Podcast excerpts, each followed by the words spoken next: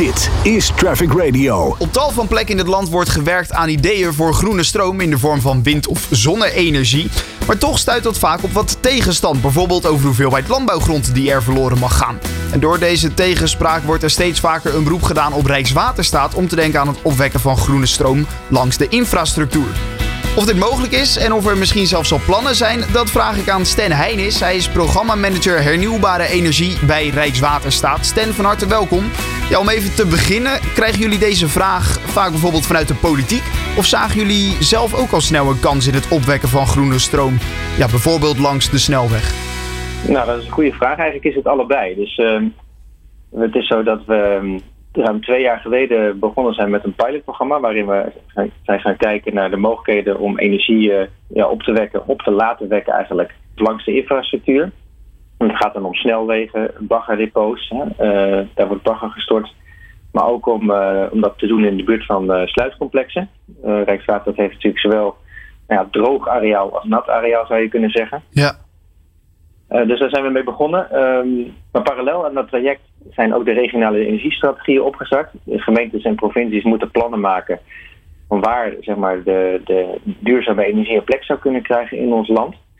En in die plannen zie je dat ze ook geregeld toch kijken naar uh, de mogelijkheden langs de infrastructuur.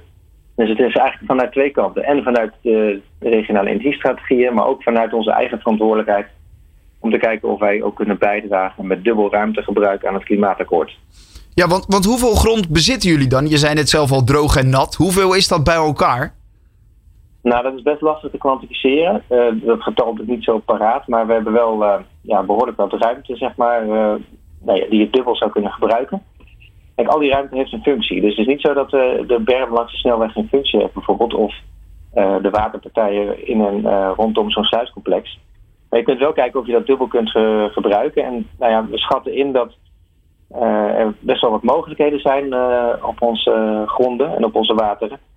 En dat ligt ergens tussen de anderhalf en vier terawattuur als je dat omrekent naar energieopbrengst. Oké, okay. en, en voor hoeveel huishoudens is dat dan bijvoorbeeld energie? Dat maakt het voor mij in ieder geval ietsje schrijfbaarder. Nou, dan moet je denken aan. ja, er zit ook natuurlijk een bandbreedte in, want anderhalf en vier is best, ligt redelijk ver uit elkaar. Maar in ieder geval verbruik van het aantal huishoudens, elektriciteitsverbruik van het aantal huishoudens in de provincie Utrecht ongeveer. Oké, okay, dat, dat is een flink aantal in ieder geval. Uh, want op welke manier willen jullie dan die stromen gaan opwekken? Is het dan echt op alle mogelijke manieren?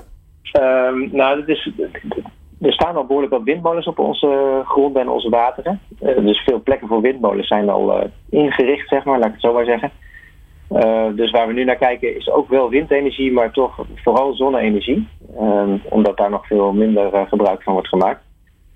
Dus dat zijn de technieken die nu bewezen zijn waar we, waar we ook naar kijken. Ja, dan moet ik toch bij zonnepanelen toch wel denken als ik dan soms aan het fietsen ben. Ik zie die op daken liggen. Dan schittert dat soms een beetje. Dan denk ik als dat nu langs de snelweg gaat liggen, wat doet dat dan met de verkeersveiligheid?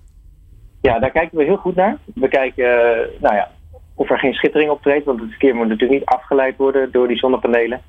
En je wil niet dat er onveilige situaties ontstaan. We willen natuurlijk ook dat de doorstroming uh, gewoon uh, plaats kan vinden zoals die moet plaatsvinden. Want ja, iedereen moet vlot van A naar B blijven kunnen. Dus dat moet echt geen hinder opleveren. En dat staat voor ons eigenlijk bovenaan. Zodra dat wel het geval zou zijn, doen we het niet. Wat je nu wel ziet is dat uit de onderzoeken blijkt dat nou, het op sommige plekken echt wel kan. maar we moeten zorgvuldig kijken ja, hoe we dat dan inpassen. En we kijken daarbij niet alleen naar de verkeersveiligheid, we kijken ook naar ja, hoe doe je dat zeg maar, zorgvuldig. Dat je uh, ja, de natuur en de biodiversiteit ook uh, goed meeneemt in het onderzoek. Want ja, bermen hebben ook een ecologische waarde. Als je het over bermen hebt tenminste. En ook waterpartijen hebben die natuurlijk als het gaat om waterkwaliteit. Ja. Dus we kijken veel breder. En ja, ook naar bijvoorbeeld landschappelijke inpassingen. Zorgen we ervoor dat dat ja, netjes wordt gedaan. Zodat je ook nog het zicht op de omgeving behoudt. Ja, precies. De milieu- of de horizonvervuiling, zoals we dat dan ook noemen. Daar wordt ook naar gekeken, inderdaad. Er loopt ook een pilot op de A37, de Drentse Zonneroute. Zo noemen jullie die. Volgens mij een, een, route van ongeveer 40 kilometer, waar dus ook zonnepanelen langs de snelweg liggen. Hoe bevalt die pilot tot nu toe? Nou, de zonnepanelen liggen er nog niet. Dus uh, er oh. zijn plannen in de maak om daar, uh, om daar inderdaad zonne-energie op te wekken. Oké. Okay. En dat, die zijn uh, nou, best ver gevorderd. Ze zijn er is een heel ontwerp gemaakt van hoe dat zou kunnen, samen met ook de omwonenden daar in het gebied. En daar, daar zijn eigenlijk de eisen die ik net ook noemde gewoon van belang. Dus die worden allemaal meegenomen in dat traject.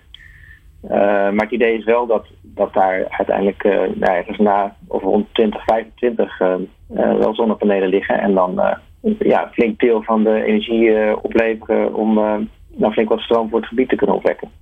Dat zou een uh, mooie eerste stap zijn, inderdaad. Het gaat dus nog even duren, maar jullie maken al wel plannen om dit in ieder geval in gang te zetten. Zeker, en wij doen het dus, uh, hè, wij bereiden dat voor, want het zijn best af en toe nou ja, complexe locaties hè, uh, die gewoon wat voorbereidingswerk nodig hebben. Dus we hebben een actieve rol, maar het is niet zo dat wij zelf die energie gaan opwekken. Okay. Het is echt een marktactiviteit, dus wij bereiden die locaties voor en zorgen er dan samen met onze partners, hè, Rijksvastgoedbedrijf en Rijksdienst voor Ondernemend Nederland, voor dat ook de markt uh, zijn rol kan pakken om uh, nou ja, die energie daar ook te gaan opwekken. En dan zijn jullie van plan om de grond te gaan verkopen? Of?